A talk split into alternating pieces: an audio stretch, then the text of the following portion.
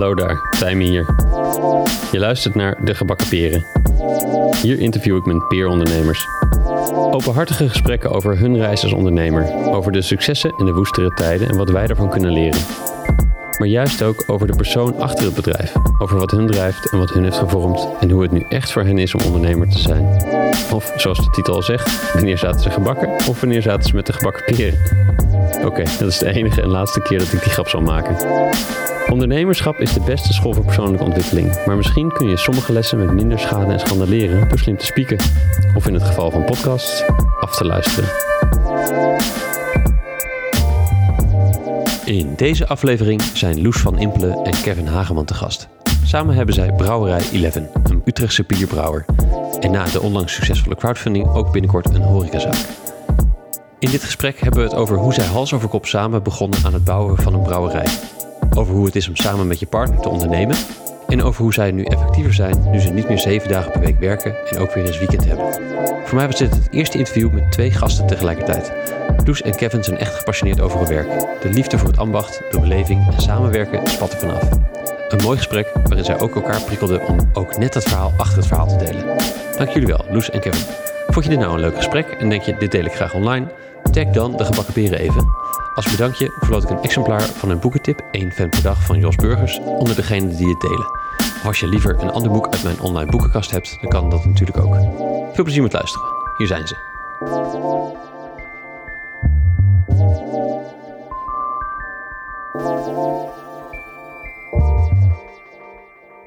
Welkom, Kevin en Loes. Dankjewel. Leuk jullie er zijn. Zeker weten. Eerste keer met drie aan de tafel. Dat is eh, voor mij nog even een unicum. Ehm, dus ik ben erg benieuwd hoe dat gaat. En ook de eerste keer met bierbrouwers aan tafel. Dat, dat, dat brengt gelijk een soort ballast op tafel. Die hebben echt een pakket aan biertjes en glazen en zo meegenomen. Daar, daar kunnen we het zo meteen nog meer over hebben. Ik wil eigenlijk bij het begin een beetje beginnen. Dus hoe, ze, ehm, hoe jullie gekomen zijn naar waar jullie zitten. Of waar jullie zijn. Ehm, Kevin, kun jij iets vertellen over waar en hoe je bent opgegroeid? En ik, ik, ik, ik relateer het meestal aan het avondeten. Maar het mag ook het eerste biertje zijn in, in ieder geval.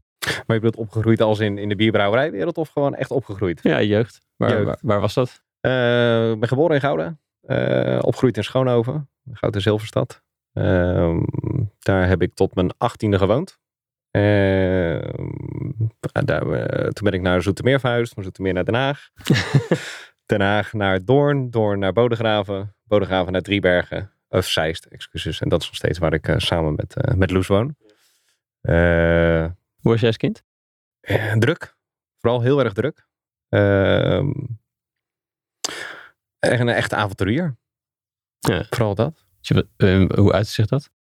Ja, voornamelijk veel, veel knutselen, bouwen. eh, alles maar uit elkaar willen trekken. Overnieuw in elkaar willen zetten. eh, fouten maken. En daardoor ook dingen kapot maken daardoor.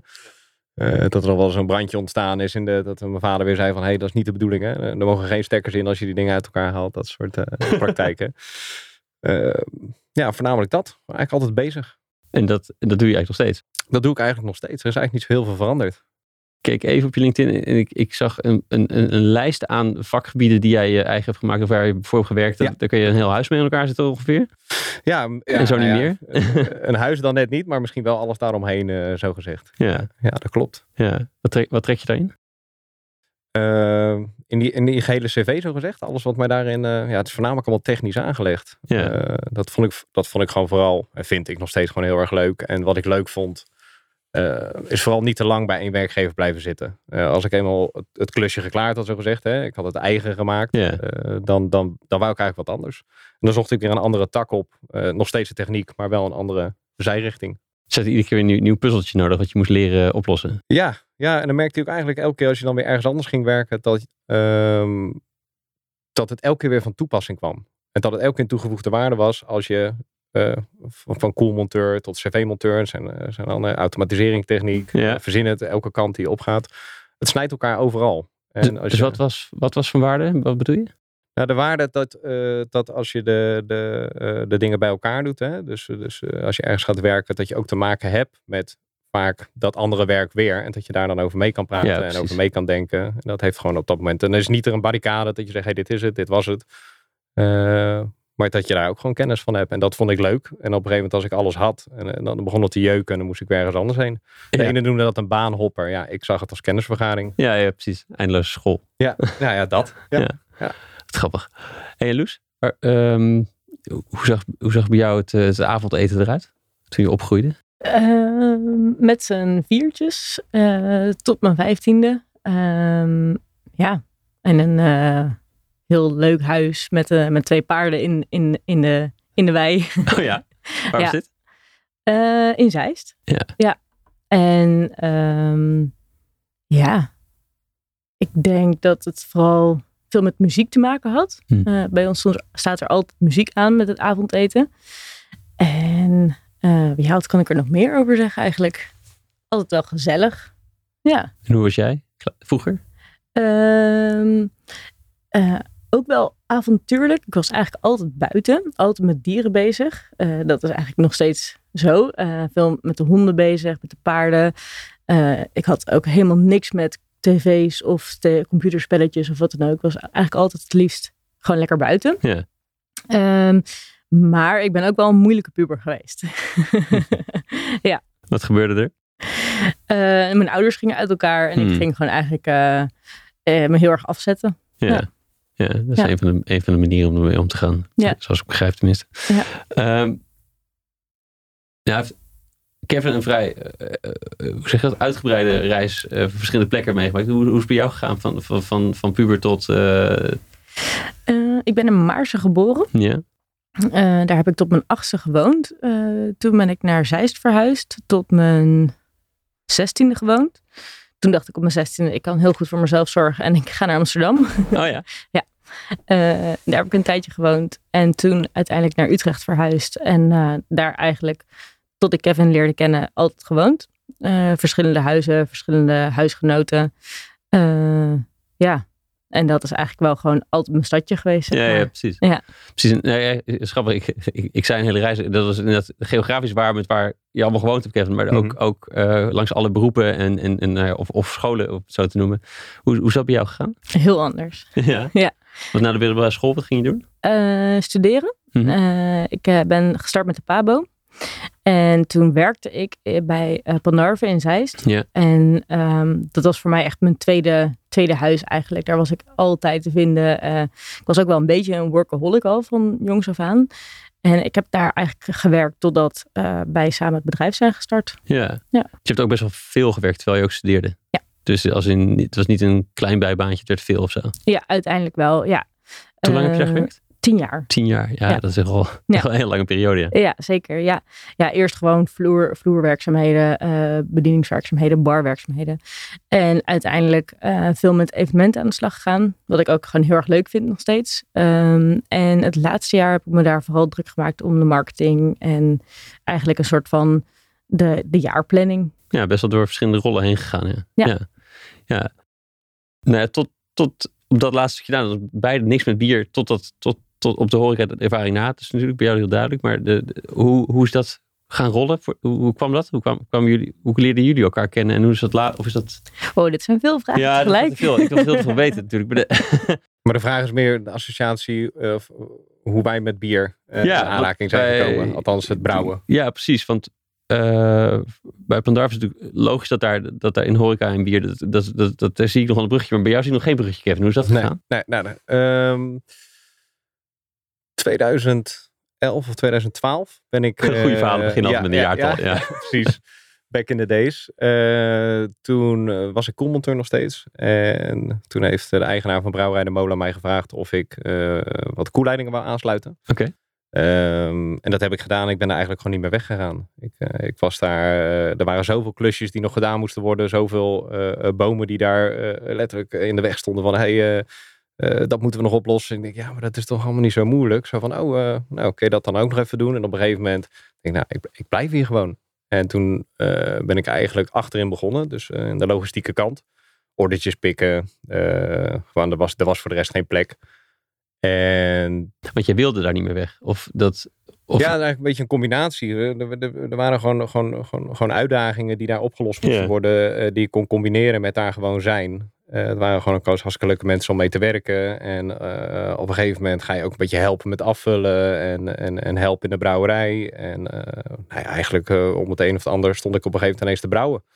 Was helemaal geen bierdrinker ook. Eh, en op een gegeven moment sta je gewoon, eh, ja, gewoon een bier te brouwen. Op een gegeven moment als je dat ook gewoon gaat doen eh, en je bent een soort spons, dan ga je dat ook gewoon heel erg snel leren.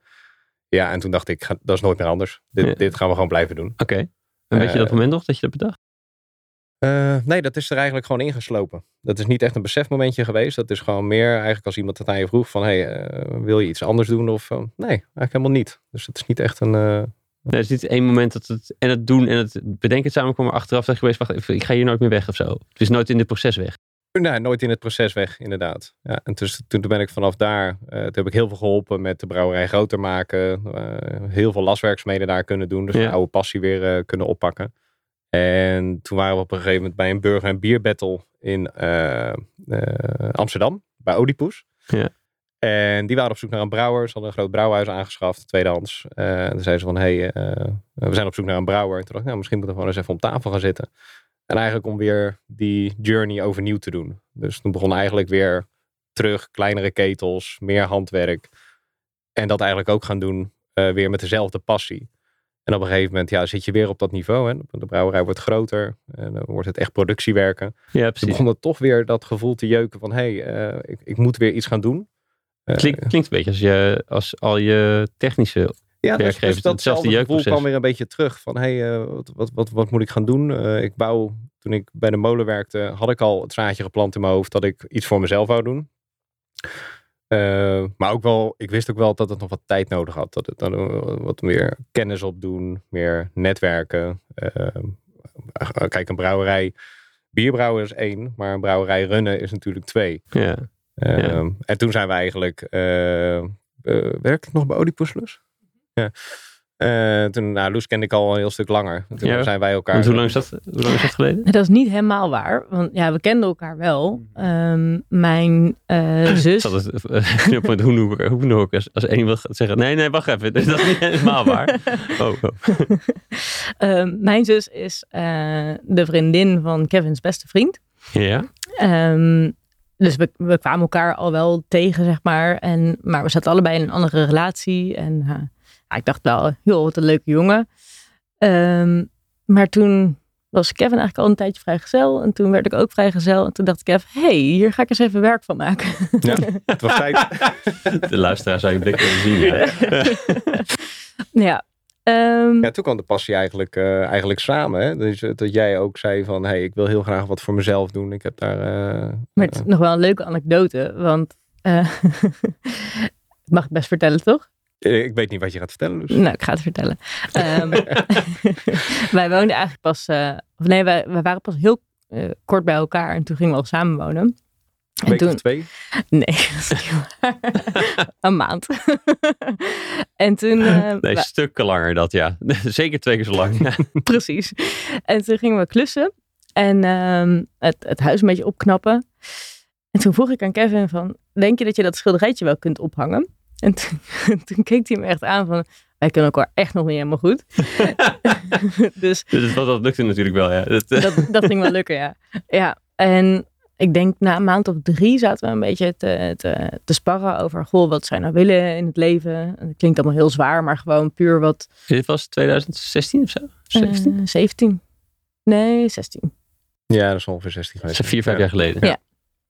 Ja, en um, ja, dus dat ging eigenlijk allemaal best wel snel. Dat we een beetje zaten te sparren. En um, eigenlijk ging het van, we gaan een wereldreis maken en we laten alles achter ons. We gaan een camper kopen en we gaan het opknappen en, en we gaan ervoor. Uh, tot, nee, uh, we gaan een eigen brouwerij samen starten met uh, mijn passie vanuit de horeca. Kevin's kwaliteit in de techniek en als brouwer. Ja. Dat sluit natuurlijk heel erg mooi op elkaar aan. Ja. Um, en toen zeiden we, we gaan voor die wereldreis. en ja. ik denk dat die Kevin me een paar weken later belde die me. En toen zei hij, hey, weet je nog dat gesprek? Ik, ik ga voor de brouwerij. Ja. En toen dacht jij? Oh, je had de tassen gepakt? Uh, nee. nee, toen dacht ik, oké, okay, ja, ik, ik, ga, ik doe met je mee. Dat zei ik eigenlijk direct binnen één seconde. Ja. Want wat maakte dat je, weet je nog waarom je je bedacht? Um, ja, eh, dat weet ik nog wel. We zouden eigenlijk eh, met 0 euro zouden we gaan reizen, toen de tijd ook. Eh, dat was het idee. Eh, we hadden daar ook wat, wat over gelezen. Er, zijn, er zijn mensen die dat echt gedaan hebben. Dus echt liften en et cetera. En echt de journey aan te gaan. Maar er is ook een grote kans dat het faalt en dat je terugkomt. En dat je dan weer terug bij af bent. En ik ken heel slecht tegen falen.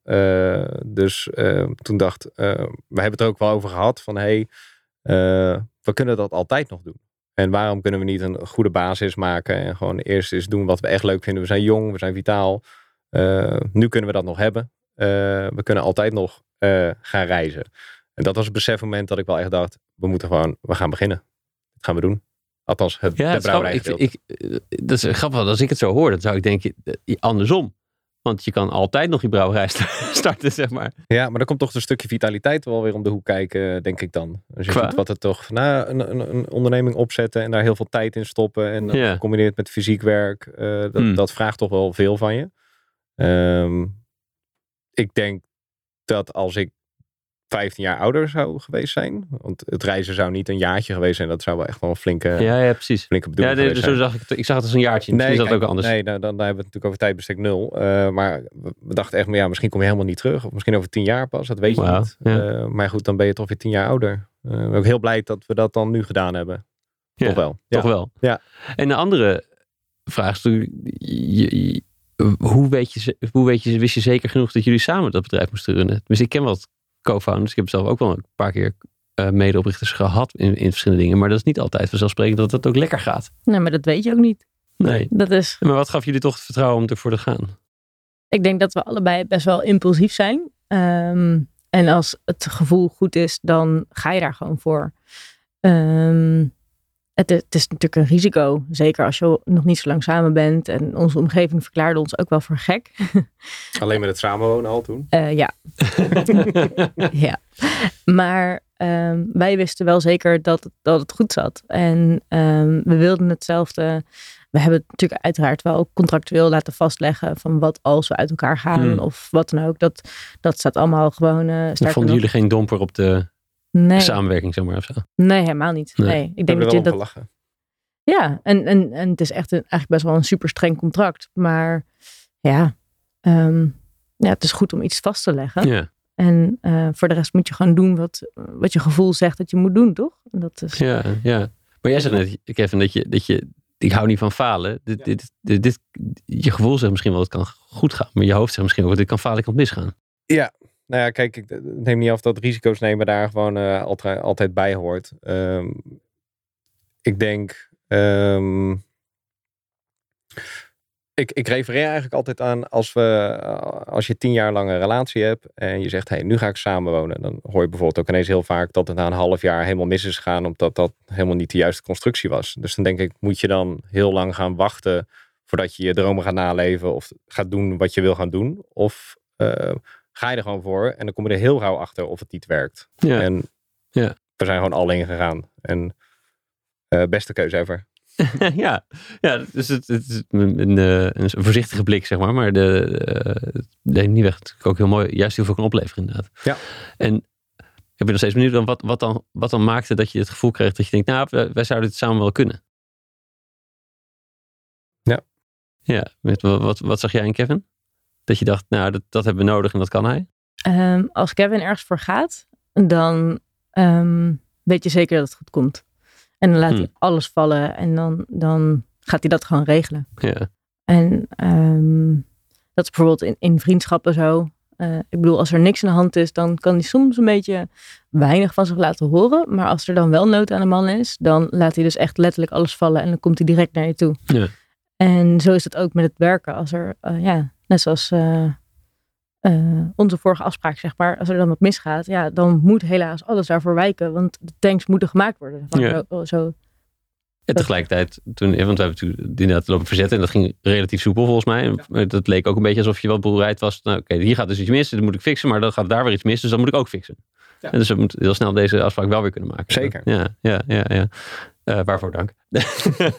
Idem. ja, ja. En, en andersom, wat, wat zag jij? Nou ja, ik, ik ben, zoals ik al aangaf, een beetje een druktemaker. En, uh, en, uh, en structuur is mij soms wel eens heel ver te zoeken. Dus inderdaad, als ik uh, me ergens op focus, dan, dan wil ik dat cum laude afronden. en dan kan ik de rest nog wel eens vergeten. En Loes vult mij daar heel goed in aan. eigenlijk van het begin af aan al om structuur terug te brengen en te helpen. Want zij is de structuur het zelf. Ja. Um, en daar kreeg ik dan een heel gauw het gevoel bij van... hey, is dit niet gewoon een golden combi? Dat geeft vertrouwen. Het geeft een, gewoon een goed gevoel. Um, ja, en dat geeft dan gewoon gelijk het gevoel te zeggen: ja, dit, dit, dit durf ik aan. Dit, uh, dit voelt niet vreemd. Ja, hadden jullie een soort momenten waarbij je dat ook realiseerde? Dat je um, vertrouwen kweek je vaak. Tenminste, je, doordat er een keertje bijna iets misgaat en het gaat toch niet mis of zo, heb je opeens mm -hmm. ontdekt: hé, hey, wacht even, dit, dit werkt wel. Wat je ook zegt, als, als Kevin uh, iets laat vallen, dan, dan, dan fixt hij het. Um, we hebben even gebeld natuurlijk van tevoren. Jij zei, ik, ik vind overzicht, controle wel fijn. Ik kan me voorstellen dat het daar heel erg een soort goede bevestiging voor is. Ik hou van controle. En als hij iets valt, als ik kapot maak, dan maakt hij het ook weer. Mm -hmm. Dat is heel, heel prettig. ja, ja zeker. Uh, maar was er zo'n moment dat je, dat jullie dat, dat, um, dat vonden of zo? Dat je denkt, ah. Ik denk um, dat het bij mij wat eerder kwam, zeg maar, dat, dat gevoel. Um, uh, Kev moest echt wel, ja, als je het hebt over vertrouwen kweken, zeg maar, dat heeft bij hem wel wat langer geduurd. Um, ik denk dat er niet één, één specifiek moment is geweest. Weet, jij dat? Nee, voor mij gaat ook niet echt een. Ik zat al te graven, maar mm. er gaat niet echt een, een belletje rinkelen. Uh, nee, dat is eigenlijk ook weer dat het, nee, dat, het, het gebeurde gewoon. Ja. En hoe gebeurde dat? Hoe zijn jullie gestart? Um, correct me if I'm wrong, maar we zijn, uh, uh, nou uiteraard, we zijn ons gewoon gaan inschrijven en gaan zeggen, hé, hey, dit gaan we doen. dan ben je echt begonnen. Dan zijn we gewoon ja, het welbekende. Um, en toen dachten we, hé, hey, uh, we gaan eerst beginnen met vormgeving opstarten. En we gaan uh, gewoon even een huurbrouwsel draaien. Dat vinden we leuk. We zijn thuis en toen nog wat testrecepten wezen maken. Je vergeet een half jaar businessplan schrijven? Ja, zie je, dat bedoel ik. dat is mooi, ja. Ja, nou ja, inderdaad. Uh, maar dat ging ook wel gecombineerd een beetje. dat liep al een klein beetje langs elkaar. met elkaar mee eigenlijk. En uh, toen zijn we eigenlijk gaan huurbrouwen uh, met het idee van hey, we gaan eerst kijken of het aanslaat. We gaan het product op de markt zetten. Gewoon even... Want huurbrouwen is je huurt de brouwketel en je gaat iets maken en dat probeer je te verkopen. Ja, dus je brouwt dan bij een, bij een andere brouwer. Ja. Uh, die kan het dan verexcijnzen en dan kan je het echt op de markt zetten. En dat hebben we, denk ik, een brouwseltje of tien hebben we toen gedaan. En toen waren daar wat mankementen. En dan verlies ik de grip. Uh, dus je kan dat niet sturen. Het is iemand anders brouwhuis. Je kan daar dus, uh, ja, je kan, je kan niet meer doen dan alleen maar ja knikken en dan zeggen, oké, okay, dit is het. Ja. Nou, sommige knoppen kan je dan gewoon niet meer, niet meer draaien. Toen hebben we elkaar aangekeken en dat was eigenlijk wel heel, uh, dat ging heel rap. Van wat gaan we nu doen? Gaan we ergens anders brouwen? Of gaan we nu een brouwerij bouwen? En we zijn direct een brouwerij gaan, wow, gaan opzetten. En je zegt, de, de mankeerde wat? wat? Wat mankeerde er? Nou, de kwaliteit van het bier was niet, uh, niet heel goed. Er waren wat, wat uh, infectieproblemen. Nou ja, ja dat infectieprobleem klinkt, klinkt serieus. Maar ja, ja nou, dat klinkt ruiger dan dat het is. Maar dan is de smaak gewoon niet, uh, niet hmm. toereikend. Dat is gewoon niet lekker. En dat, ja, dus dat, dat werd heel snel belangrijk. De, de smaak moest goed zijn. Jazeker. Het is, het is hetgene waar het om draait. Een, een lekker biertje. Hè? Of een lekker bier. Dat, ja. dan, dan moet het zeker smaken. Ja, we hebben natuurlijk ook collega-brouwers die ook gebruik maken van diezelfde brouwtoken, die er geen probleem mee hebben. Dus het is nog steeds wel uh, bijzonder dat je dat zo belangrijk vindt, dat je zelfs besluit een brouwerij te gaan bouwen. Ja. Ja, het is denk ik ook wel een beetje als je zoveel ervaring hebt in de techniek en al als brouwer, mm. dat het dan überhaupt al heel erg lastig is om uh, niet alle controle te hebben, zeg maar. Dus ik denk dat het een super verstandige keuze was. Uh, enerzijds om, om die grip dus ten alle tijde wel te hebben. En anderzijds um, was dat denk ik ook wat we vanaf dag één wilden. Ja. Uh, ja. Want bij Oedipus had je bijvoorbeeld wel die controle. Of bij de molen. Ja, nou ja. Daar was je deed het aan het klussen en het, en het tunen. Dat. En, en als brouwer kan je dan ook letterlijk alles sturen, alles doen. Uh, verbeteringen toepassen. Uh, dus ook zowel de installatie als, als waar je op dat moment mee bezig bent. Uh, maar dat heb je dan niet als je een huurbrouwsel doet. Want 9 van de 10 uh, brouwerijen waar je een huurbrouwsel gaat doen, daar, uh, daar, daar mag je niet eens fysiek bij zijn. Dat oh, daar ja. dan wel was een opstartende brouwerij, dus er zaten ook nog kinderziektes in. Maar ja, wij waren niet in de positie om mee te gaan in de kinderziektes. Ja, uh, ja. En wat is hier voor het plan? Want je zei, jij, jij zei, Loes, jij zei net, uh, we, we, waren ook nog wel een half, uur businessplan, half, jaar, half jaar businessplan aan het schrijven. Waar ging de, nou, wat, wat was het, het idee of de waardepropositie die jullie toen een beetje voor ogen hadden? Um, ik denk vanaf dag één is uh, het stukje samenwerken voor ons heel belangrijk geweest. Hmm. Um, heel romantisch gezegd is de naam Eleven ook ontstaan uit twee eenheden die samen meer zijn dan alleen. Ja. En ehm, dat ehm, eigenlijk was dat niet per se het allerbelangrijkste waar, waar we het zeg maar, in het businessplan over, over hadden. Het ging meer om het verhaal achter het bier eh, te vertellen, maar ook achter de onderneming, eh, de ondernemers, om gewoon eigenlijk heel veel te laten zien van hey, ehm, waarom heet zo'n biertje nou zo? En daar, daar leuke dingen mee te doen. Maar ook de mensen meenemen in het verhaal van, van de brouwerij en achter de schermen mee te nemen. Dat was eigenlijk voor ons toen het, het belangrijkste waar Ja. we mee aan de slag zijn gegaan. Ja, Ehm, dus je, je gaat samen met een andere partij ga je een bier proberen te maken. En, en, en dat, moet, dat moet helemaal om die persoon heen, of dat bedrijf heen, gemaakt kunnen worden. Dus dat ook daar kan ik me voorstellen dat je heel veel knoppen wil, weer wil kunnen bedienen. Om het weer zo specifiek mogelijk te kunnen maken voor, die, voor diegene. Of, Nee, dat was ook wel gewoon eh, onze eigen bieren, zeg maar. Wel- Die dan bijvoorbeeld een bepaalde naam hadden waar je iets over ging vertellen. Ehm, Ja, leuk voorbeeld is denk ik ook wel eh, toen Oproers een nieuwe productiebrouwerij had neergezet. eh, toen moesten daar ook wat klusjes gedaan worden. Er moest een gasleiding gelegd worden en er moesten olieleidingen gelegd worden. En ik weet nog dat ik daar in het weekend eh, mee bezig was. En dat werd letterlijk nachtwerk. ja, En eh, dan heb je ook weer een mooi verhaal eh, eh, om weer een bier te maken. Dus hebben we samen een collaboration gema- gemaakt. En dat bier heet Nachtwerk. Ja. En dan krijg je ook van die vuisten erop met hardwerkende ja, materialen erin. Dus dan heeft dat bier ook weer een verhaal als, in, als in persoon. Maar Ja. ook een uniek bier. Dus jullie zijn, maar jullie zijn, ik blijf zo even terug naar hoe jullie in godsnaam een brouwerij uit de grond hebben gestampt. Maar de, jullie zijn dus bieren met iemand gemaakt en zijn jullie zelf gaan brouwen. En jullie, toen, de brouwerij die er toen was, jullie brouwden dan met iemand hun bier. ja, dat doen we eigenlijk best wel vaak. Ja. Zeg maar één keer per maand proberen we met iemand anders te brouwen. Eh, en dat is ook dat stukje samenwerken wat dan weer terugkomt eigenlijk. Eh, we vinden het heel leuk om met iemand anders samen te brouwen. Maar het is ook leuk en leerzaam. Ehm, je, je kan het hebben over bier. Je kan het hebben over ondernemen. ehm, je kan het hebben over dingen die je in het weekend doet. Zeg maar. Het is gewoon enerzijds gewoon heel erg leuk en super leerzaam. En eh, ik denk dat het ook een stukje marketing is. Dat je natuurlijk van elkaars netwerk gebruik maakt. Ja, ja. Ehm, ja, het is gewoon eigenlijk wat we, het- wat we het liefst doen, toch? Ja, het leuke is ook inderdaad dat over het algemeen zijn brouwers heel erg eigenwijs. Eh, dus iedereen heeft zijn eigen methodes van werken. En iedereen heeft ook zijn eigen kwaliteiten die ergens een beetje op, op doorgefocust is. eh dat daar zijn interessegebied ligt. En het leuke van collaborations dan met andere brouwerijen is dat je die kennis echt gaat delen met elkaar. ja. En daar kan je eigenlijk alleen maar beter van worden.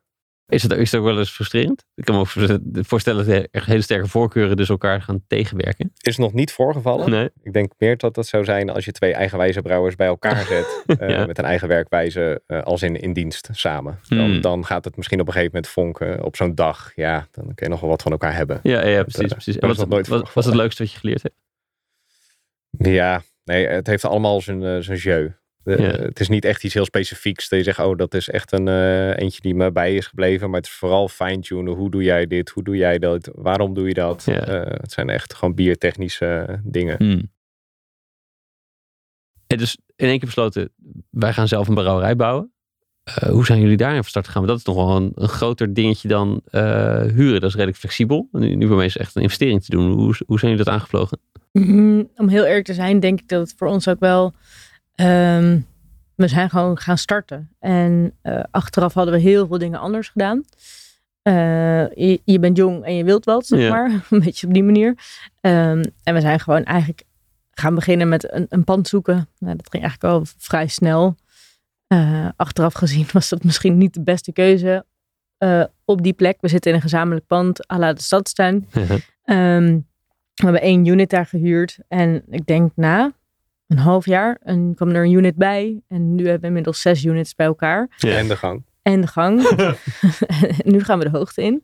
Dus uiteindelijk zijn we best wel veel... ehm, ja, we hebben best wel veel, vaak stilgestaan en weer verbouwen en vergroten. En ik denk, mijn grootste les wat ik daaruit heb kunnen halen, is groter denken vanaf, de eerst, vanaf het eerste moment. Ja, En, en daar hadden we meer tijd in mogen eh, steken. ja, Ja. Ja, het grappige is dat we eh, eigenlijk teruggekomen zijn nog op eh, ons eh, oude plan. Dus het, het ondernemingsplan wat we geschreven hebben, dat was echt een, eh, een monsterplan, zo gezegd. Dat was echt heel, heel erg duur geworden. Zo van, oké, dit, is, dit is wat we willen, dit is het. Ehm, maar er moest ook een gigantisch bedrag eh, voor bij elkaar gehaald worden. En toen dachten we, ja, is, is, we waren toen in Hongarije, was dat volgens mij. En toen keken we elkaar aan en zeiden, moeten we niet wat kleiner denken? Moeten we niet even relativeren? Moeten we niet gewoon een stapje terug doen? En gewoon eerst eens beginnen.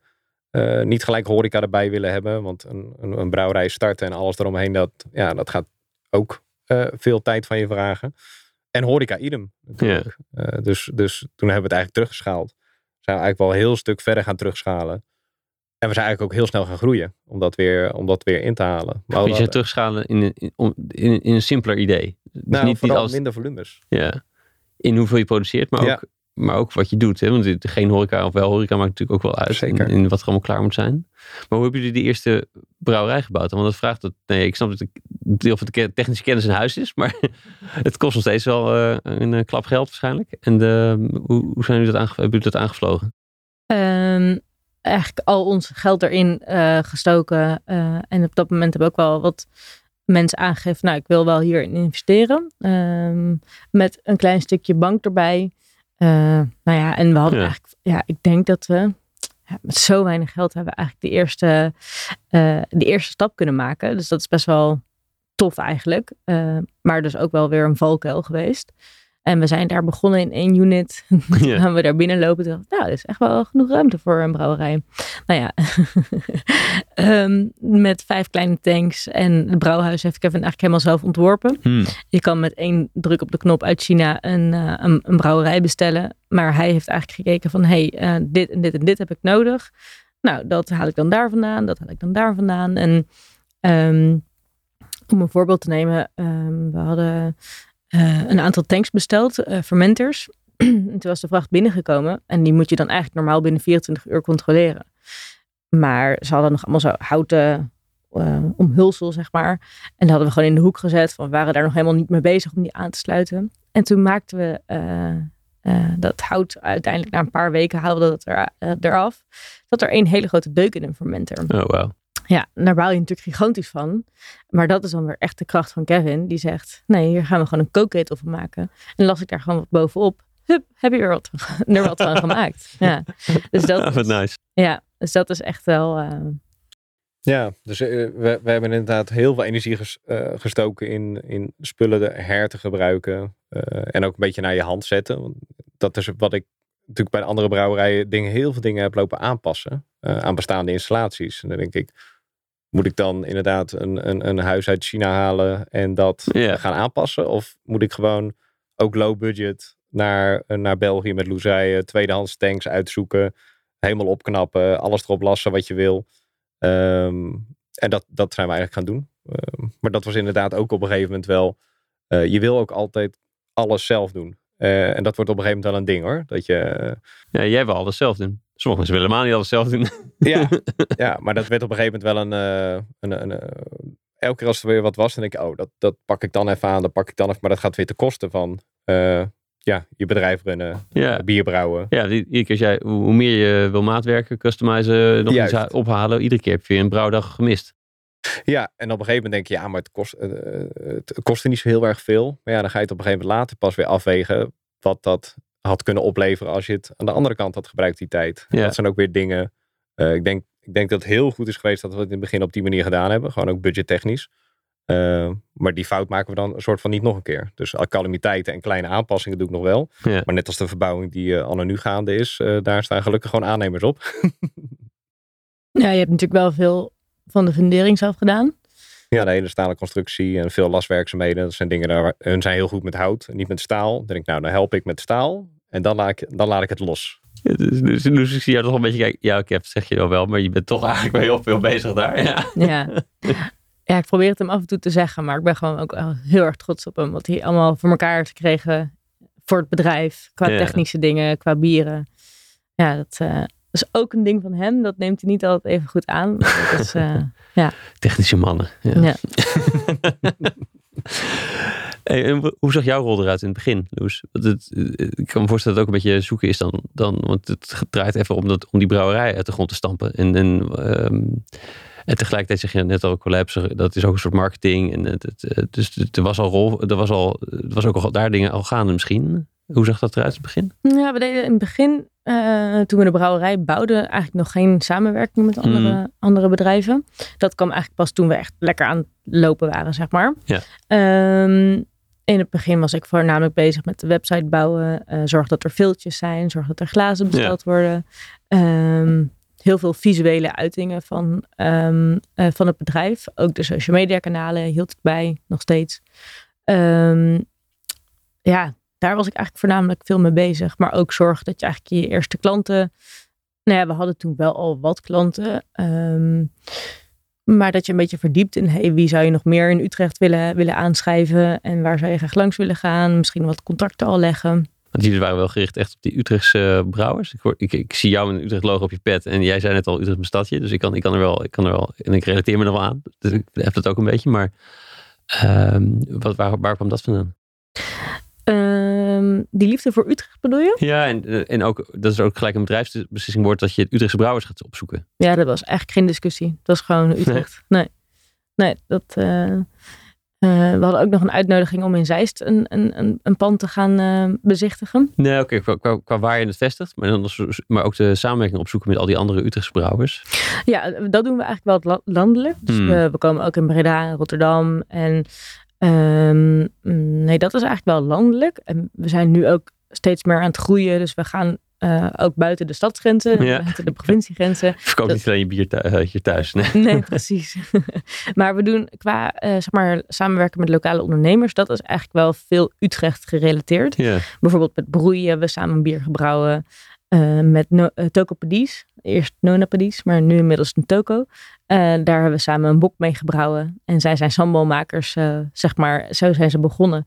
En toen dachten we, hey, we, wil- we willen eigenlijk een bok maken. Maar het niet zo mainstream zoet. eh, ja, ja, nou ja, goed. Laat ik het netjes houden. Ehm, Ik zat al te wachten.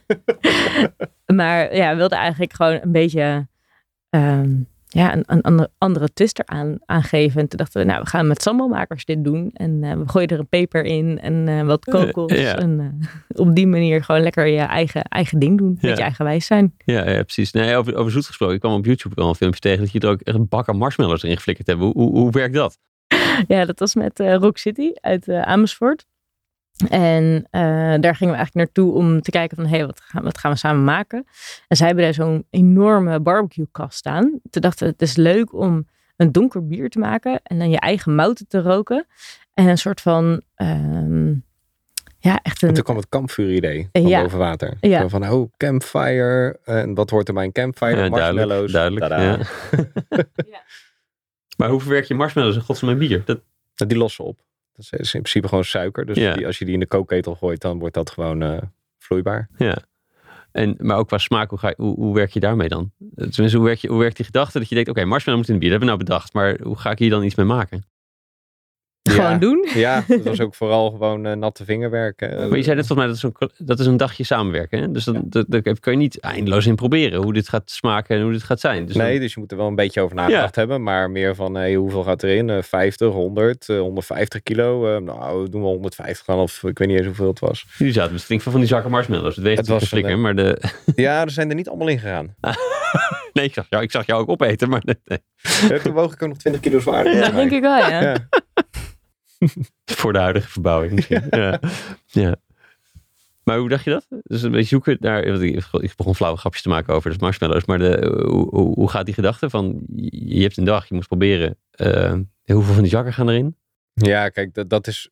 Marshmallows geven niet dusdanig veel smaak af dat je daar echt eh, mee de mist in kan gaan. Het zijn voornamelijk heel veel simpele suikers die je meegeeft. Dat kan je mee berekenen. Dat, dat, is, eh, dat is niet. eh, kijk, en receptueel eh, gaan we als brouwers onderling gewoon even sparren van hey, wat, wil, wat willen we maken? En dan is het gewoon op basis van ervaring wat je gemaakt hebt. En dat weef je in elkaar. En dan is het eigenlijk gewoon, dan weet je dat het gewoon een, een, een kwalitatief goed bier is. Ja. En alles wat je er dan bij doet qua gerookte mouten, et cetera. Ja, dat, dat, dat, dat hebben we dan wel. Eh, het gerookt hebben we wel een beetje aan de lage kant gehouden. Hè, want daar kan je wel mee de mist in gaan. Qua, marshmallows niet. Dus dan dachten wij, de bigger the better. Eh, het was net wat, eh, wat er voorhanden was. Op dat moment. Ja, mooi. Mooi. Dus, dus nou, en hoe, hoe liep het? Wat, wat, wat, wat, ehm, op een gegeven moment had je natuurlijk niks aan de klanten. De duur werd steeds groter. En to- toen begon het toch weer te kriebelen dat er, dat er een horecatent op moest. Uh, ja, er zit nog wel een stapje tussen, denk ja, ik. hoe is dat We, gegaan? we zijn toen van, uh, nou ja, van één unit naar twee, naar drie, naar vier, zeg maar zo. En uh, toen kwamen er ook nog wat tanks bij. Van vijf tanks naar elf tanks. Kleintjes hoor, dus we praten nog niet over een mega volume. Um, ja, en dat was denk ik ook wel weer een spannende groei. Ik denk dat we daar ook al heel veel van geleerd hebben, wat we nu heel erg anders doen. Um, Zoals? Ja, nou ja, je zet, je zet lekker om. Um, maar we zijn zeg maar met die eerste stap um, van een eigen pand uh, zoeken en dat gaan inrichten. Toen waren we alle twee nog in loondienst. En toen in één keer hebben we gezegd, we gaan stoppen met ons baan. En we gaan er volledig voor. Dus hoeveel, hoeveel jaar erin was het? Uh, toen waren we. Ik denk dat dat uh, het eerste jaar waren we natuurlijk uh, nog niet echt daar, uh, was meer huurbrouwen. Jaar twee waren we er met de locatie bezig. En toen zijn we er best wel vrij rap ingegaan. Volgens mij heeft dat niet langer dan een half jaar geduurd. Dat denk ik ook. Vanaf het moment dat de brouwerij draaide. Maar. ja, Na een half jaar uit loondienst gegaan. En dat was echt een mega spannende stap. Als Ja. ik dat nu achteraf ook bedenk, dat kon eigenlijk helemaal niet uit. Uh, Komt nooit uit. Nou ja, dat is niet waar. Ik bedoel, we, we hadden daar gewoon eigenlijk ook vrij weinig kennis van. We hebben gewoon die stap hebben we gewoon genomen. Uh, Jij zegt het kan nooit uit. Die die, als je nu terugkijkt, die tank was eigenlijk te klein om überhaupt genoeg bier te brouwen om voor rond te komen. Uh, nou ja, als je, als je kijkt wat al je basiskosten zijn, je huur, uh, je ingrediënten, andere, andere kosten, zeg maar. Dat was best wel fors. En dan ga je groeien. Um, naar, naar elf tanks zijn we toen gegaan. En um, eigenlijk alles wat we omzetten, hebben we gelijk weer her, geherinvesteerd. Ja. En uh, dat. Ja, Ja, dus bleef niet veel geld over voor jullie eigen loon. Dus je loon opzegt van uit de andere baan, dan is wel even, even slikken. ja, precies. En aan de andere kant hebben we daar denk ik ook weer heel veel van geleerd. Uh, we zijn heel minimaal aan het leven. Wat ik heel erg leuk vind. Kevin iets minder. Wat mis je dan? Gadgets. Gadgets, ja. Ja. ja. Af en toe uh, dat je denkt, hé, hey, dat, dat wil ik even halen. En dat kon vroeger natuurlijk veel makkelijker. Dat je denkt, oh, dat, dat haal ik gewoon. En nou uh, is dat wel verstandig. Ja. Uh, Dus nu zoek je excuses om het in de, in, in de winkel te kunnen doen. ja. Maar ook um, dat je dus eigenlijk beseft dat je je werkkapitaal aan het herinvesteren bent. En dus je koopt misschien eerder een nieuwe tank in plaats van dat je je ingrediënten kan betalen, zeg maar. Heel, heel kort door de bocht gezegd. En daar hebben we wel veel van geleerd. Dus met de verbouwing die nu gaande is, en daar hebben we een crowdfunding campagne voor gedaan. En daar hebben we ook heel bewust uh, een x-bedrag voor uh, werkkapitaal gereserveerd. Dat uh, wanneer de tanks binnenkomen, zeg maar, yeah. staat er gewoon genoeg geld klaar om al die ingrediënten te bestellen. En, um, en dan teer je niet zo in op je, op, op je liquiditeit, zeg maar. Dus dat, precies. ja. Ja, slim. Jullie hebben onlangs twee ton opgehaald, geloof ik. Ja. Uh, tenminste, dat zegt de website. Ja. uh, hoe is dat gegaan? Ging dat relatief soepel? Was dat nog even spannend op het eind? Nee, ging eigenlijk best wel soepel. Ja, uh, dat was eigenlijk ook mijn pakje aan. Um, Hoe heb je dat zo gedaan dan? Want het is niet. Uh, ik, ik, ken, ik ken ook wel voorbeelden, veel beelden. Soms heb ik er zelf in gezeten dat het toch wel echt tot het eind uh, kilo kilo wordt. Uh, ja, ik denk dat het best wel um, bijzonder is, zeg maar, in deze tijd dat mensen natuurlijk wel vertrouwen in je hebben, aangezien wij natuurlijk sterk afhankelijk zijn van de horeca. Mm Mhm. -hmm. Maar uh, toch durven mensen gewoon geld te investeren, van uh, 200 euro tot 10.000 euro. Uh, en welk bedrag het ook is, we vinden het überhaupt gewoon super fijn natuurlijk en super tof dat mensen in ons geloven. Um, maar hoe ik het heb gedaan, um, ik, ja, we hebben eerst ons eigen netwerk aangesproken, vrienden, familie, uh, relaties. Um, en nou ja, dat vond ik eigenlijk de moeilijkste stap van het, van het hele uh, verhaal. We hebben denk ik nog nooit vrienden en familie zeg maar, om, om, om geld gevraagd. En ja, nu ga je opeens zeggen, oké, okay, ik ga twee ton investeren. Dat is, Ja. ja, dat is gewoon best wel serieus.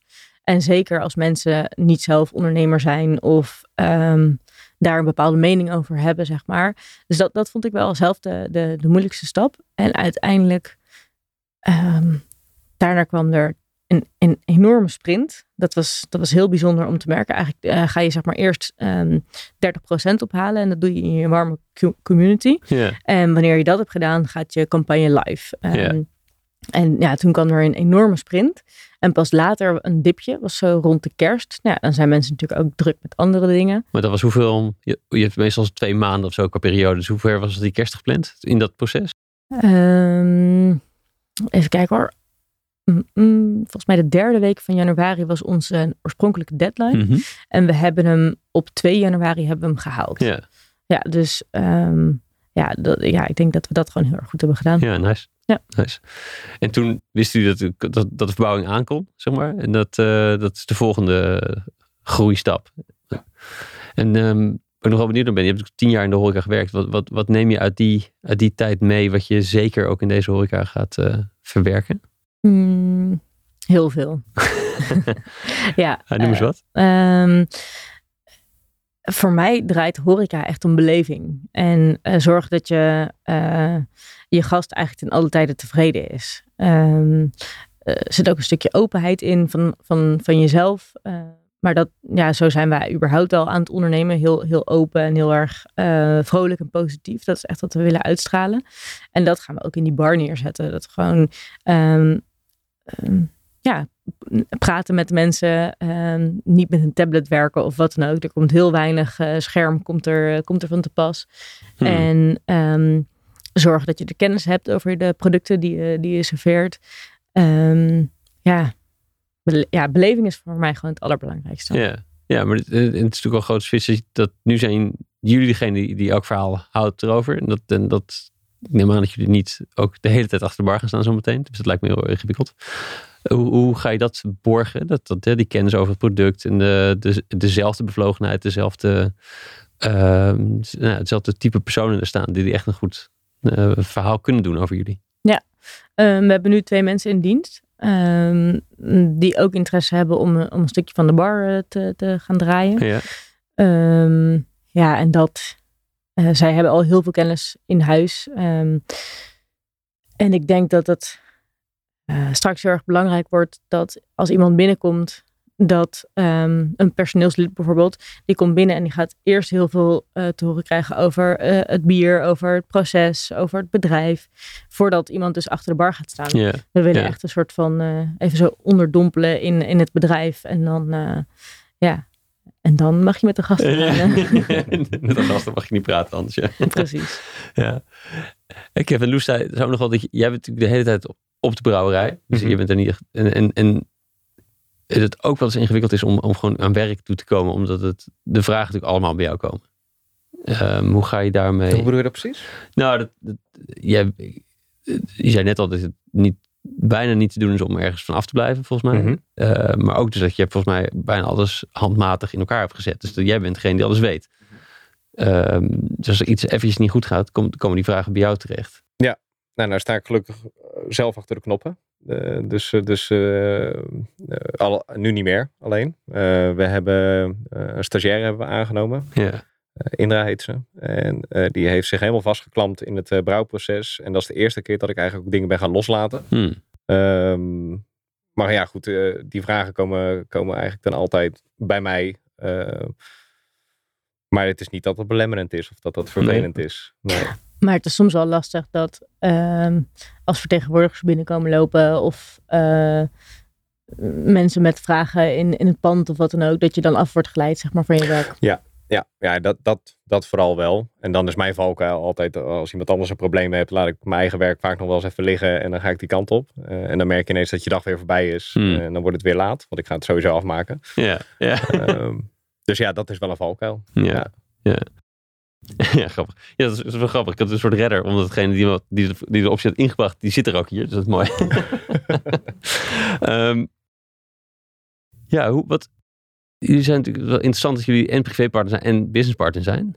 Eh, tenminste, ik vind dat wel, eh, ik vind dat boeiend. Ehm, hoe is dat dat je, dat je ook thuis nog het hebt over de zaak of zo? Of tenminste, zo stel ik me dat voor. Eh, Houdt het ook een keer op? En, en hoe gaat dat? Ehm, vroeger was Kevin altijd degene die altijd maar bleef doorratelen over werk. En eh, dat ik op een gegeven moment wel zei van nou, even, nou is het even klaar, weet je wel. Ja, En eh, nu ben ik eigenlijk altijd degene die blijft doorpraten. En heeft Kevin daar gewoon veel meer een balans in gevonden. Ehm, en ook wat meer een hobby, zeg maar. Dat, dat hij als hij thuis is ook gewoon lekker zijn eigen ding kan doen. En ehm, ja, het is 80% van de tijd is het heel erg leuk om eh, zowel zakelijk als privépartner te zijn. En 20% van de tijd hangen we elkaar achter het behang. Maar dat is ook... eh, ja wat, wat, waarom is het dan niet leuk? Omdat het gewoon niet ophoudt? Of? Oh nee hoor, nee dat, nee, dat maakt ons denk ik allebei niet zo heel veel uit. Ehm, wat we doen, ons werk is gewoon onze passie. Dus dat, Mhm. dat maakt ook niet zo heel veel uit als daar privé wat overlap in zit.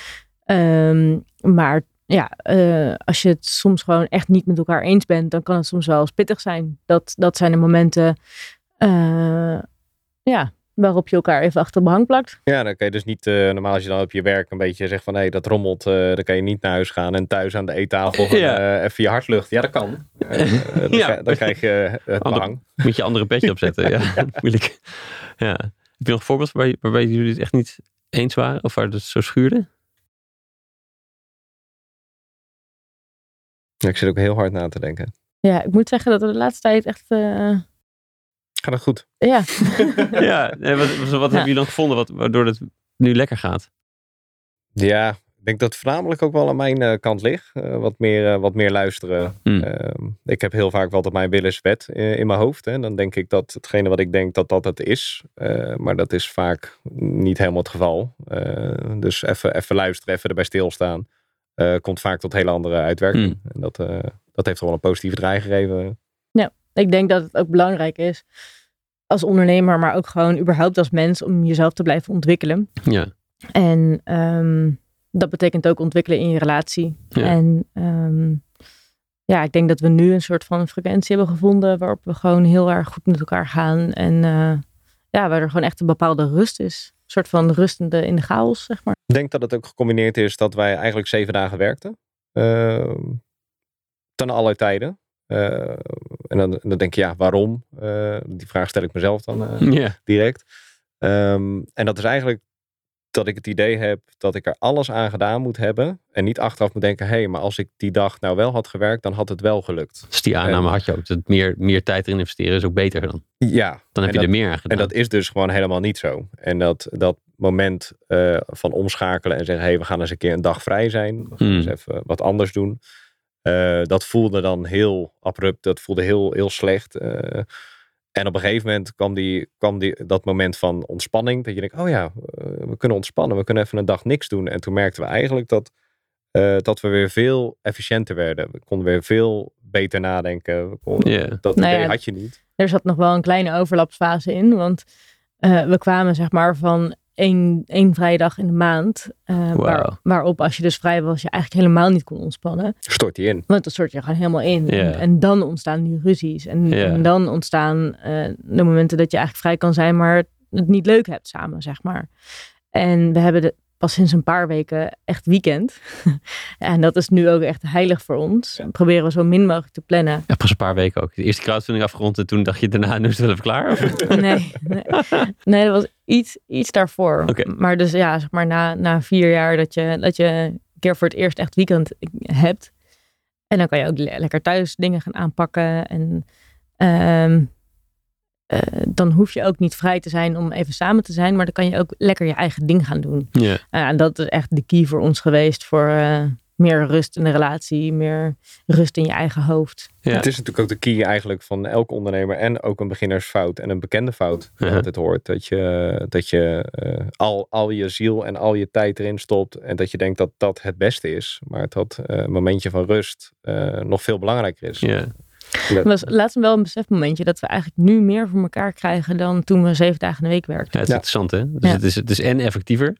Ja, Het is als je, ik vind het een goede soort van een beginhack om je, te- als ik dan, oh ik mag sporten, want dan ben ik daarna weer productiever. Of ik mag ontspannen, want dan ben ik eigenlijk productiever. Mhm. Maar mag je ook gewoon ontspannen om te ontspannen? Omdat dat ook gewoon fijn is. Ja. Ja. ja. Ja, mooi. Ja, wel, wel grappig. Misschien hebben jullie een soort van, eh, eh, wat je veel koppels in coronatijd wordt zeggen. Van, we zitten nu thuis, dus we zitten de hele dag met elkaar. Eh, daarna in de sportschool is dicht, we moeten nu samen sporten. Want heb ik, ik, ik, ik heb al genoeg samen gedaan nu. Eh, dat hebben jullie natuurlijk ervoor al een beetje meegemaakt. Die zijn een soort pre-corona kenners van hoe dat gaat als je, als je enorm veel tijd samen doorbrengt. ja, Ja, dat- dat klopt wel. Maar dat krijgen we ook wel vaak te horen. Maar aan de andere kant kwamen we laatst ook tot het besef dat we eigenlijk pas ja, maar, eh, zeg maar één keer in de twee maanden echt normaal samen eten. Ja. Ehm, en dat is natuurlijk niet echt heel erg gezond, zeg maar. Dus aan de ene kant, ja, je, je deelt samen een, een zaak en een relatie. Ja. Ehm, maar echt op elkaars lip zitten we niet. Ik, ik werk veel thuis, ik ben veel onderweg. Ja. eh, ben bij de relaties of eh, eh, ben in gesprek. En eh Kevin is eigenlijk altijd in de brouwerij van 's morgens vroeg tot 's avonds laat. En als wij samen eten, is het eigenlijk met vrienden. Ja, ja, Dus ja. dat is ook wel, ehm, Of in de brouwerij. ja. Dat ja, mensen wel eens vrienden naar ons komen. Dan komen we naar jullie. Ja, dat kan tenminste nog. ja. Ja, zijn, jullie mensen, zijn mensen jullie, een beetje kwijtgeraakt in die eh, drie jaar daarvoor? Of tenminste dat jullie zo druk waren? Want het- ik kan me ook voorstellen dat je daar dan, daar dan iets te weinig tijd voor hebt. Vind ik wel meevallen eigenlijk. Ik denk dat we juist heel goed hebben kunnen kijken wat nou hele goede vrienden zijn. En mensen die, die, die, die echt het leuk vinden wat je doet. En ehm, die tijd in ons steken en vice versa. Dus, Ja. dus er zijn eigenlijk eh, bepaalde vrienden wat in een beter daglicht komen staan. En dat is alleen maar sterker geworden. Ik heb niet echt het idee dat ik... eh, ik, deed misschien al niet zo heel erg veel aan mijn... Loes zei het al eventjes. ja, wat Kevin zegt, je, eh, je leert echt je echte vrienden kennen. Hmm. Ja. Hebben jullie trouwens, dit, is het laatste wat ik hierover zou vragen, maar ook- dat soms je ehm, gedrag wat je gaat vertonen in een bepaalde situatie ook anders is. En dat, dat, dat ik ben wat conscientieuzer in ene setting en ik ben wat interactiever in een andere setting, et cetera. Eh, soms kan ik zelf een beetje dominant zijn en, en een paar mensen gaan waarschijnlijk gniffelen als ze het horen, maar, de, maar wisselt dat ook een beetje in werksfeer en privésfeer? Dat, dat, dat jullie, en, en hoe, dat kan me ook voorstellen als je dat beide van elkaar ziet, dat het ook een beetje typisch kan zijn. Ik ervaar dat bij Kevin niet. Die is eigenlijk altijd zichzelf. En bij jezelf? Zichzelf. En bij jouzelf? Oh, oh bij mijzelf. Ehm, nee, ja, denk het ook niet. Shift niet zoveel. Nee. Hmm. nee, soms zit je wat hoger in je energie. En daar heb ik dan wat last van, zeg maar. Dat je soms heel... eh, ik kan echt van die enorme creatieve weken hebben. En dan in één keer is het een soort van op. Ja. En dan, dan zit je gewoon wat lager in je energie. Eh, maar ik denk wel dat we ja, eigenlijk al een beetje altijd onszelf zijn. Sluit ik me bij aan. Zeker. Mooi. Hey, nu, crowdfunding is rond. Jullie zijn hard aan het bouwen. Eh, wanneer mag het open? Tenminste, dat mag open. Kan het open? Is natuurlijk niet hetzelfde in deze tijd. Maar eh, wat is het, wat is, wat is het beeld? En de planning? Ehm, we gaan de komende zomer, ehm, wanneer we open mogen, zeg maar, gaan we eh, vooral op evenementbasis eh, werken. ja. Dus we gaan wat leuke dingen organiseren. Releaseavondjes, samenwerkingen, eh pizzaavond met de bakker samen. Ja. Ehm, en dan eigenlijk vanaf de herfst willen we gewoon vier dagen in de week open gaan. Misschien vijf. Even kijken hoe het loopt. Ehm, maar eh, we zitten in het pand, zeg maar. En het is een oud uh, autohandelarenpand. Ja, voormalig cementfabriek nog geweest. Oké. En um, het kan best wel warm worden bij ons. Dus ik denk sowieso dat wij het wat meer moeten hebben van de herfst en de winter en de, de koudere lentedagen. Yeah. En dat we in de zomer gewoon lekker evenementjes gaan draaien. En um, ja, dat we gewoon wat flexibeler zijn. Ja, ja. Kunnen jullie al dromen naar wat hierna? Of wat als dit, als dit staat? Is het, is het puur... Is het, ja, dus wat is jullie droom hiervoor? Um, nou, Um, ik denk dat dat dromen heel erg mijn afdeling is. Um, ik ben wat meer de directeur van morgen. Ja. En uh, um, ja, die stip op de horizon, daar zijn we al wel mee bezig. Ja, wat het volgende gaat worden. En we hebben een uiteindelijk doel of een uiteindelijk droom. Als we dat behalen, dan, uh, nou ja.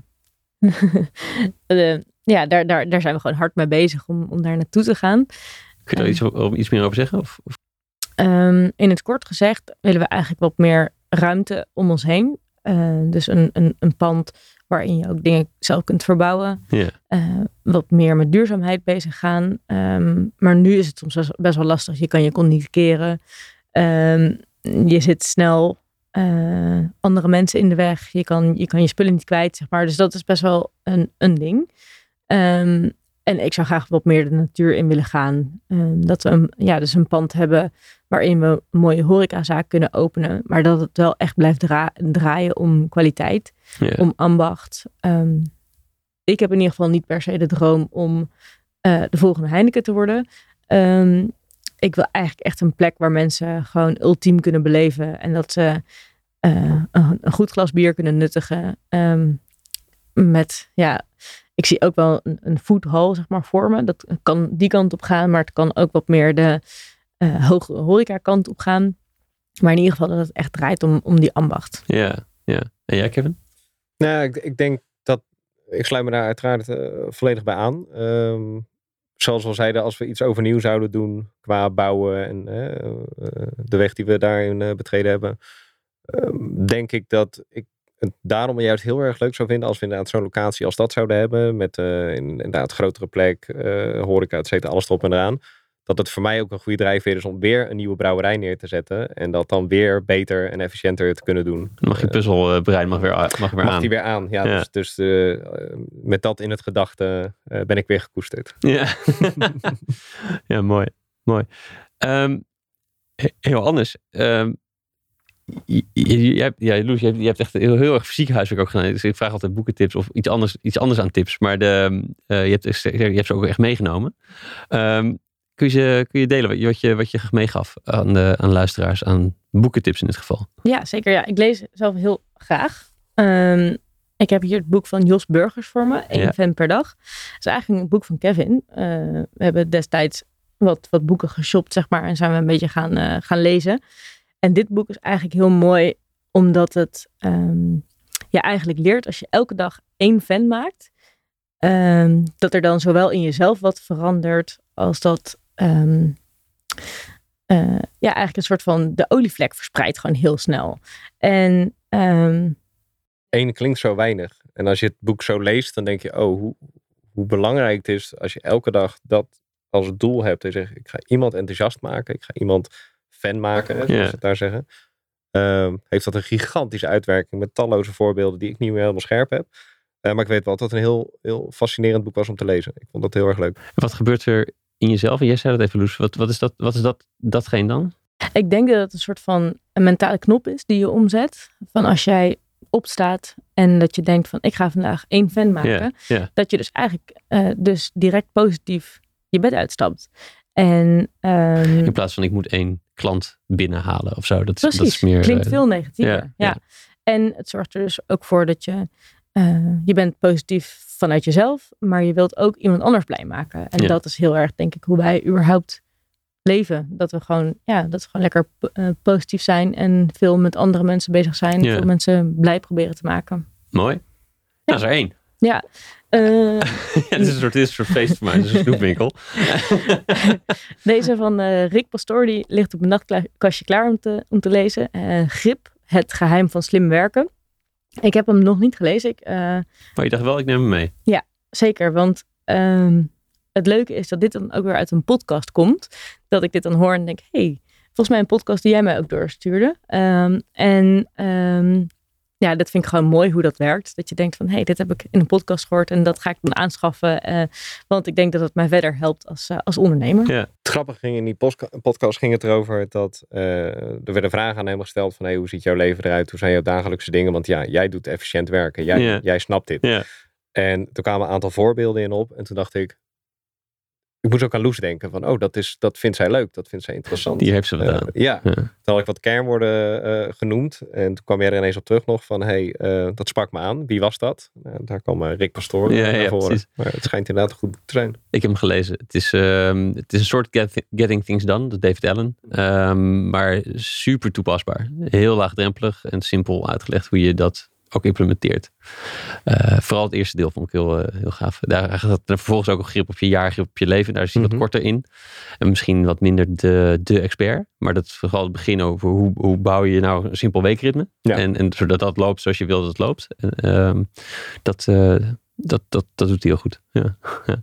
Dus, dus ik ben benieuwd hoe jullie het vinden. en de derde? Eh, is van Tony Loorbach en Martijn van Tongeren. En ehm, Tony Loorbach heb ik ook weer via een podcast, zeg maar. eh, Ze hebben samen een podcast, toch? Die, Ja. die raden jij mij weer aan. Ja, ja, ja, maar via ehm, eh, Psychologie van Succes podcast. Dat is eh, degene die Tony Loorbach heeft met Albert Sonneveld. Ah, shit. Oké, ja. Ja, Ja. ja. En, eh, en die, die andere podcast luister ik ook graag hoor. Ehm, maar dat was eigenlijk mijn ontmoeting sowieso met podcast. En dat is, ja, ik, ja, ik vind dat echt een hele bijzondere. Ehm, veel eh, zinvolle dingen uit, uitgehaald. En ehm, toen ben ik een beetje verder gaan, gaan ontdekken van wat Tony Loorbach allemaal doet. En ja, ik denk dat hij wel voor mij echt een van mijn voorbeelden is als het Hmm. gaat om ondernemen. Mooi. Kun je één ding meenemen? Wat je, even vertellen wat je, wat je daaruit meenam? Ehm, eigenlijk tweeledig.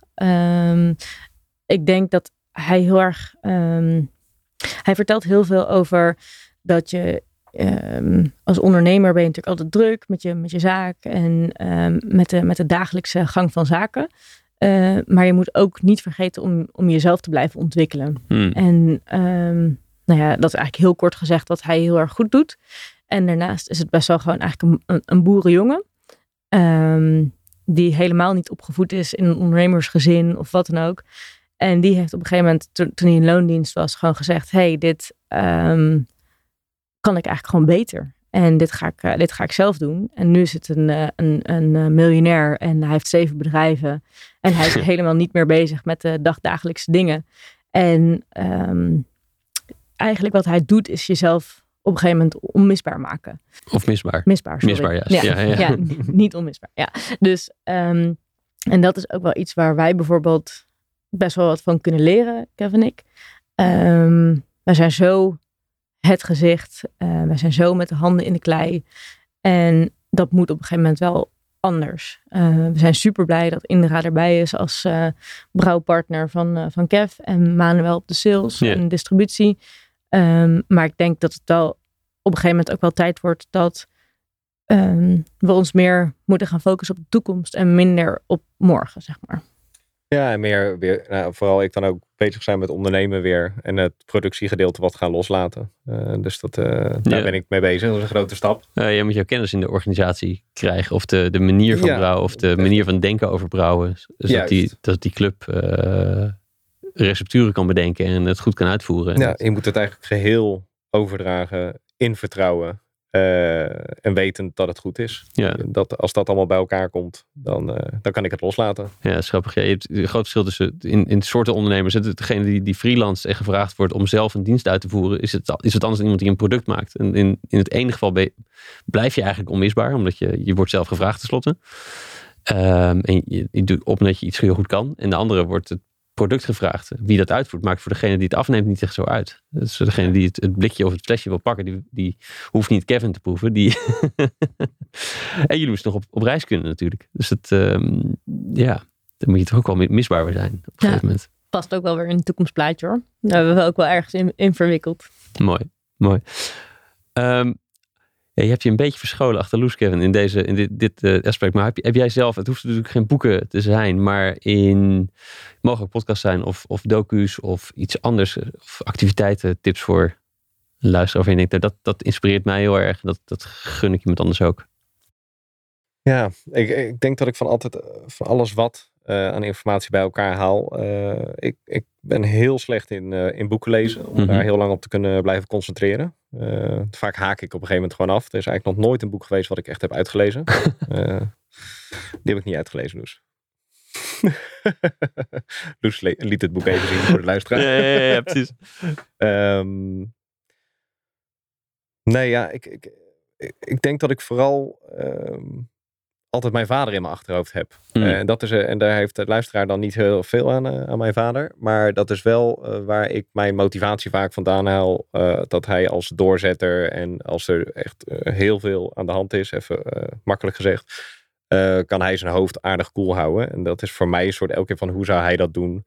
En dat is eigenlijk mijn spiegel om, om, om te relativeren. Ja, ja. Mede omdat ik eigenlijk gewoon niet kan focussen om een, eh, om een boek te lezen en daar mijn informatie Ja, eh het iedereen leert halen. op een andere manier.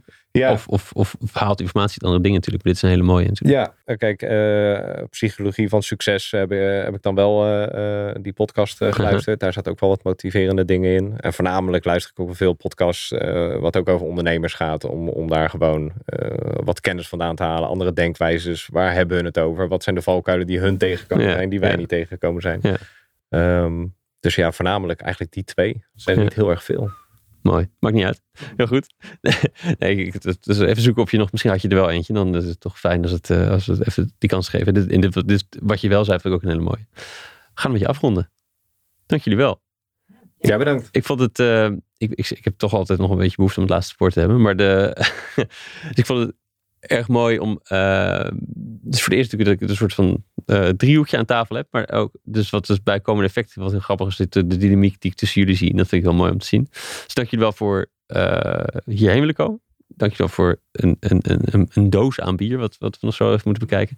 En um, dankjewel dat jullie ook zo lokaal hier in Utrecht zulke mooie dingen doen. En ik vind het inspirerend om te horen hoe jullie aan de gang zijn gegaan en gewoon een brouwerij gebouwd hebben en al die partnerships op, opzetten.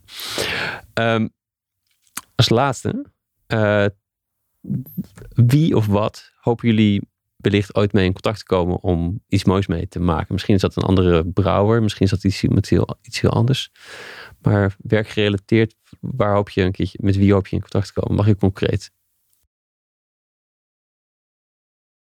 Ik wil graag een bier met uh, kanteel maken. Kanteel? Kantion. Kantion. Okay. En ik denk dat ik hem wat breder trek. Ik denk uh, elke samenwerking met uh, iets uh, uit de Verenigde Staten lijkt me gewoon lijkt me gewoon hartstikke fijn. Hartstikke leuk om te doen. Niet echt de persoon direct. Oké. Okay. we zijn gewoon onwijs dikke brouwerijen daar. Dus dat lijkt me heel erg leuk.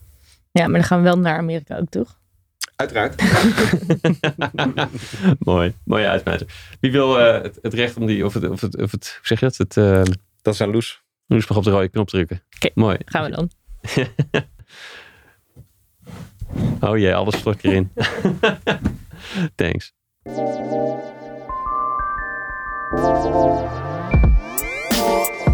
Ja, dat was hem alweer. Dankjewel voor het luisteren. Wil je zeker weten dat je de volgende aflevering ook vindt? Abonneer je dan op de podcast. Je weet hoe het werkt in de app die je gebruikt. Weet ook dat ik van alle afleveringen uitgebreide show notes met de lessen en de links uit het interview maak.